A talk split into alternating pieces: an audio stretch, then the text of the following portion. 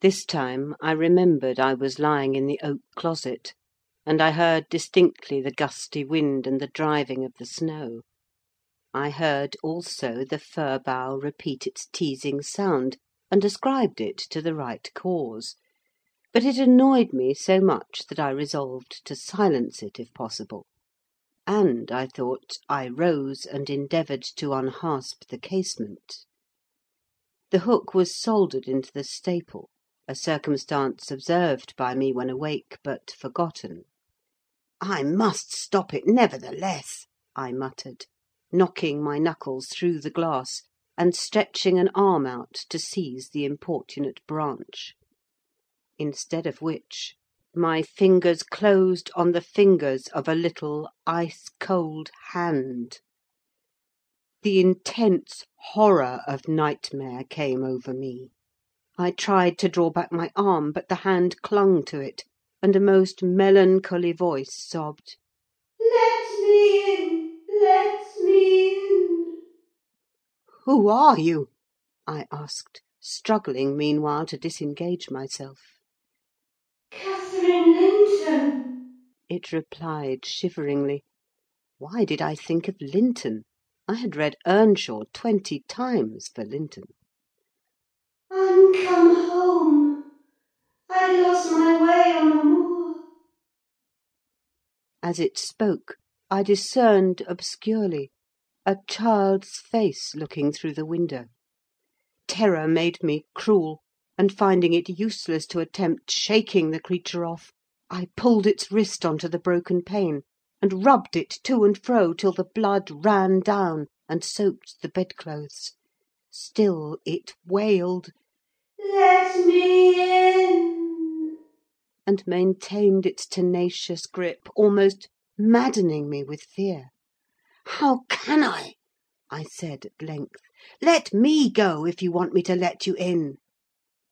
The fingers relaxed. I snatched mine through the hole, hurriedly piled the books up in a pyramid against it, and stopped my ears to exclude the lamentable prayer. I seemed to keep them closed above a quarter of an hour; yet, the instant I listened again, there was the doleful cry moaning on. "Begone!" I shouted. "I'll never let you in, not if you beg for twenty years." "It is twenty years," mourned the voice. "twenty years. I've been a waif for twenty years." Thereat began a feeble scratching outside, and the pile of books moved as if thrust forward. I tried to jump up, but could not stir a limb, and so yelled aloud in a frenzy of fright. To my confusion, I discovered the yell was not ideal. Hasty footsteps approached my chamber door; somebody pushed it open with a vigorous hand, and a light glimmered through the squares at the top of the bed. I sat shuddering yet, and wiping the perspiration from my forehead. The intruder appeared to hesitate, and muttered to himself. At last he said, in a half whisper, plainly not expecting an answer, "Is any one here?" I considered it best to confess my presence, for I knew Heathcliff's accents, and feared he might search further if I kept quiet. With this intention, I turned and opened the panels. I shall not soon forget the effect my action produced. Heathcliff stood near the entrance, in his shirt and trousers, with a candle dripping over his fingers, and his face as white as the wall behind him. The first creak of the oak startled him like an electric shock. The light leapt from his hold to a distance of some feet, and his agitation was so extreme that he could hardly pick it up. "It is only your guest, sir," I called out, desirous to spare him the humiliation of exposing his cowardice further.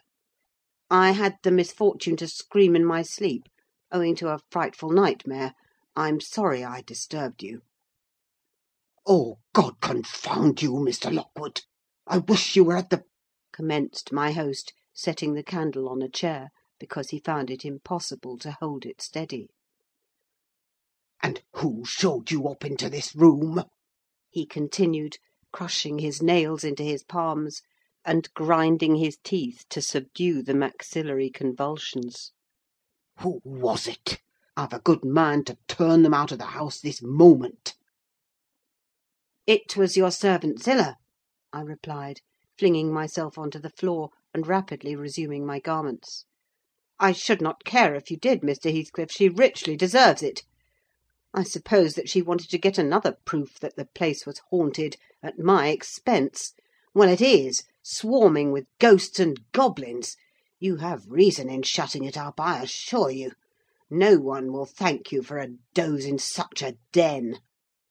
"What do you mean?" asked Heathcliff. "And what are you doing? Lie down and finish out the night, since you are here; but, for heaven's sake, don't repeat that horrid noise. Nothing could excuse it, unless you were having your throat cut." "If the little fiend had got in at the window, she probably would have strangled me," I returned. "I'm not going to endure the persecutions of your hospitable ancestors again. Was not the Reverend Jabez Branderham akin to you on the mother's side? And that minx, Catherine Linton, or Earnshaw, or however she was called, she must have been a changeling, wicked little soul! She told me she had been walking the earth these twenty years: a just punishment for her mortal transgressions, I've no doubt." Scarcely were these words uttered, when I recollected the association of Heathcliff's with Catherine's name in the book, which had completely slipped from my memory till thus awakened. I blushed at my inconsideration but, without showing further consciousness of the offence, I hastened to add, "The truth is, sir, I passed the first part of the night in—" Here I stopped afresh. I was about to say, perusing those old volumes; then it would have revealed my knowledge of their written as well as their printed contents; so, correcting myself, I went on, "in spelling over the name scratched on that window ledge a monotonous occupation, calculated to set me asleep, like counting, or—" "What can you mean by talking in this way to me?" thundered Heathcliff, with savage vehemence. "How, how dare you, under my roof? God, he's mad to speak so!" And he struck his forehead with rage. I did not know whether to resent this language or pursue my explanation; but he seemed so powerfully affected that I took pity, and proceeded with my dreams, affirming I had never heard the appellation of Catherine Linton before, but, reading it often over, produced an impression which personified itself when I had no longer my imagination under control. Heathcliff gradually fell back into the shelter of the bed, as I spoke; finally sitting down almost concealed behind it. I guessed, however, by his irregular and intercepted breathing, that he struggled to vanquish an excess of violent emotion. Not liking to show him that I had heard the conflict, I continued my toilet rather noisily, looked at my watch, and soliloquised on the length of the night. Not three o'clock yet! I could have taken oath it had been six. Time stagnates here. We must surely have retired to rest at eight." "Always at nine in winter, and rise at four," said my host, suppressing a groan, and, as I fancied, by the motion of his arm's shadow, dashing a tear from his eyes. "Mr. Lockwood," he added, "you may go into my room. You'll only be in the way, coming downstairs so early; and your childish outcry has sent sleep to the devil for me." "And for me too," I replied. "I'll walk in the yard till daylight, and then I'll be off; and you need not dread a repetition of my intrusion. I'm now quite cured of seeking pleasure in society, be it country or town. A sensible man ought to find sufficient company in himself." "Delightful company!" muttered Heathcliff. Take the candle and go where you please. I shall join you directly. Keep out of the yard, though; the dogs are unchained, and the house—Juno mounts sentinel there; and—nay, you can only ramble about the steps and passages. But away with you! I'll come in two minutes." I obeyed so far as to quit the chamber; when, ignorant where the narrow lobbies led, I stood still, and was witness, involuntarily, to a piece of superstition on the part of my landlord which belied oddly his apparent sense. He got on to the bed, and wrenched open the lattice, bursting, as he pulled at it, into an uncontrollable passion of tears. "Come in! come in!" he sobbed. "Cathy, do come! Oh, do, once more! Oh, my heart's darling, hear me this time, Catherine, at last!" The spectre showed a spectre's ordinary caprice: it gave no sign of being; but the snow and wind whirled wildly through, even reaching my station, and blowing out the light. There was such anguish in the gush of grief that accompanied this raving, that my compassion made me overlook its folly; and I drew off, half angry to have listened at all, and vexed at having related my ridiculous nightmare, since it produced that agony; though why, was beyond my comprehension. I descended cautiously to the lower regions, and landed in the back kitchen, where a gleam of fire, raked compactly together, enabled me to rekindle my candle. Nothing was stirring except a brindled grey cat, which crept from the ashes, and saluted me with a querulous mew. Two benches, shaped in sections of a circle, nearly enclosed the hearth: on one of these I stretched myself, and Grimalkin mounted the other. We were both of us nodding ere any one invaded our retreat, and then it was Joseph, shuffling down a wooden ladder that vanished in the roof through a trap: the ascent to his garret, I suppose. He cast a sinister look at the little flame which I had enticed to play between the ribs, swept the cat from its elevation, and, bestowing himself in the vacancy, commenced the operation of stuffing a three inch pipe with tobacco. My presence in his sanctum was evidently esteemed a piece of impudence too shameful for remark. He silently applied the tube to his lips, folded his arms, and puffed away. I let him enjoy the luxury unannoyed, and after sucking out his last wreath, and heaving a profound sigh, he got up and departed as solemnly as he came.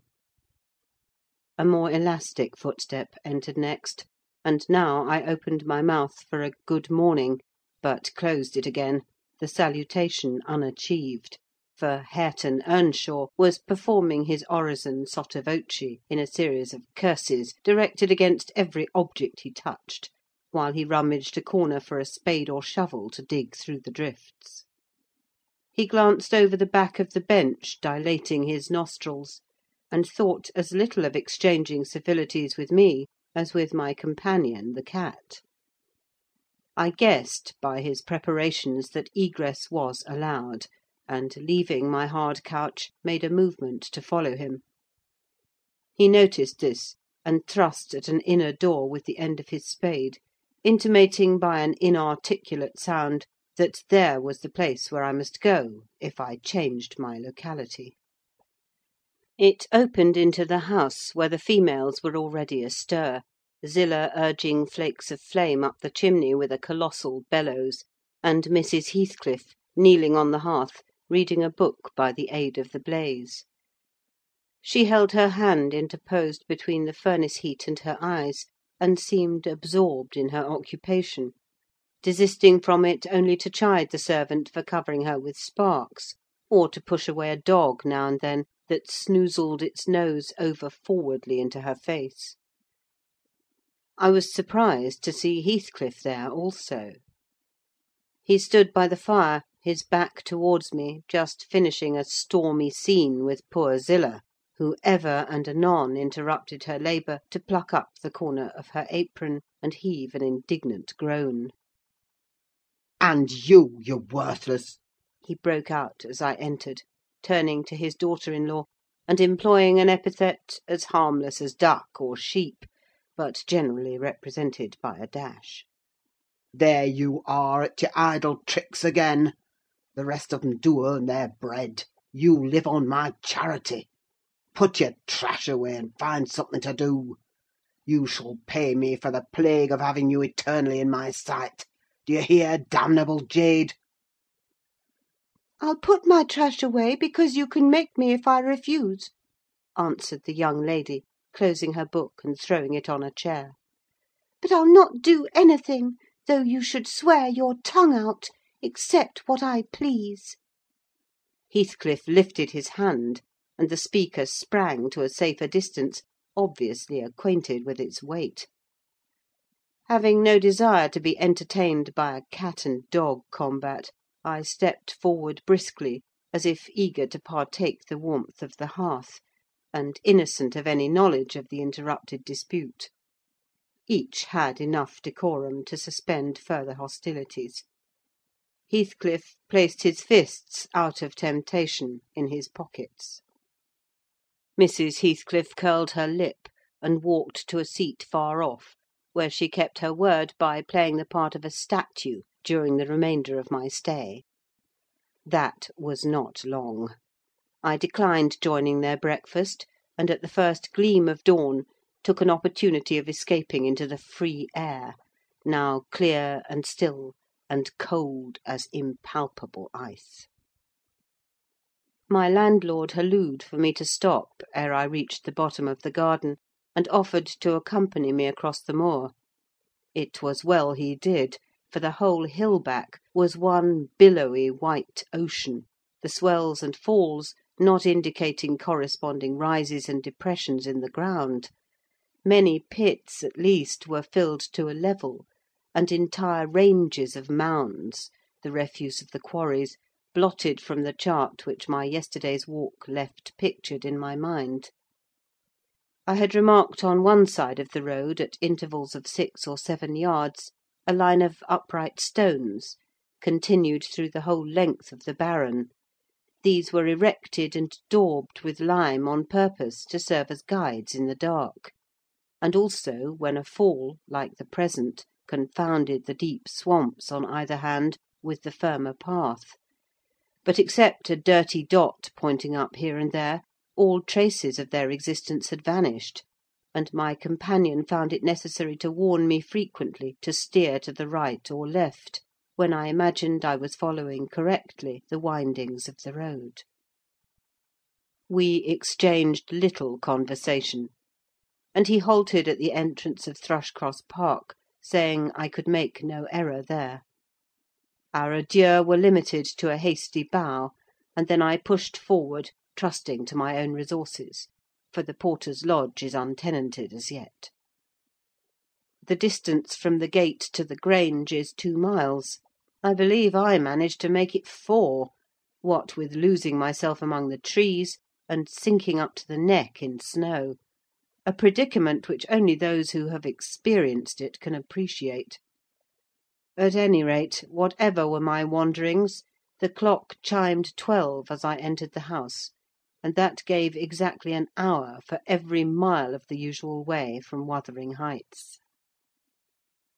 My human fixture and her satellites rushed to welcome me, exclaiming tumultuously they had completely given me up. Everybody conjectured that I perished last night, and they were wondering how they must set about the search for my remains. I bid them be quiet now that they saw me returned, and, benumbed to my very heart, I dragged upstairs, whence, after putting on dry clothes, and pacing to and fro thirty or forty minutes to restore the animal heat, I adjourned to my study, feeble as a kitten almost too much so to enjoy the cheerful fire and smoking coffee which the servant had prepared for my refreshment.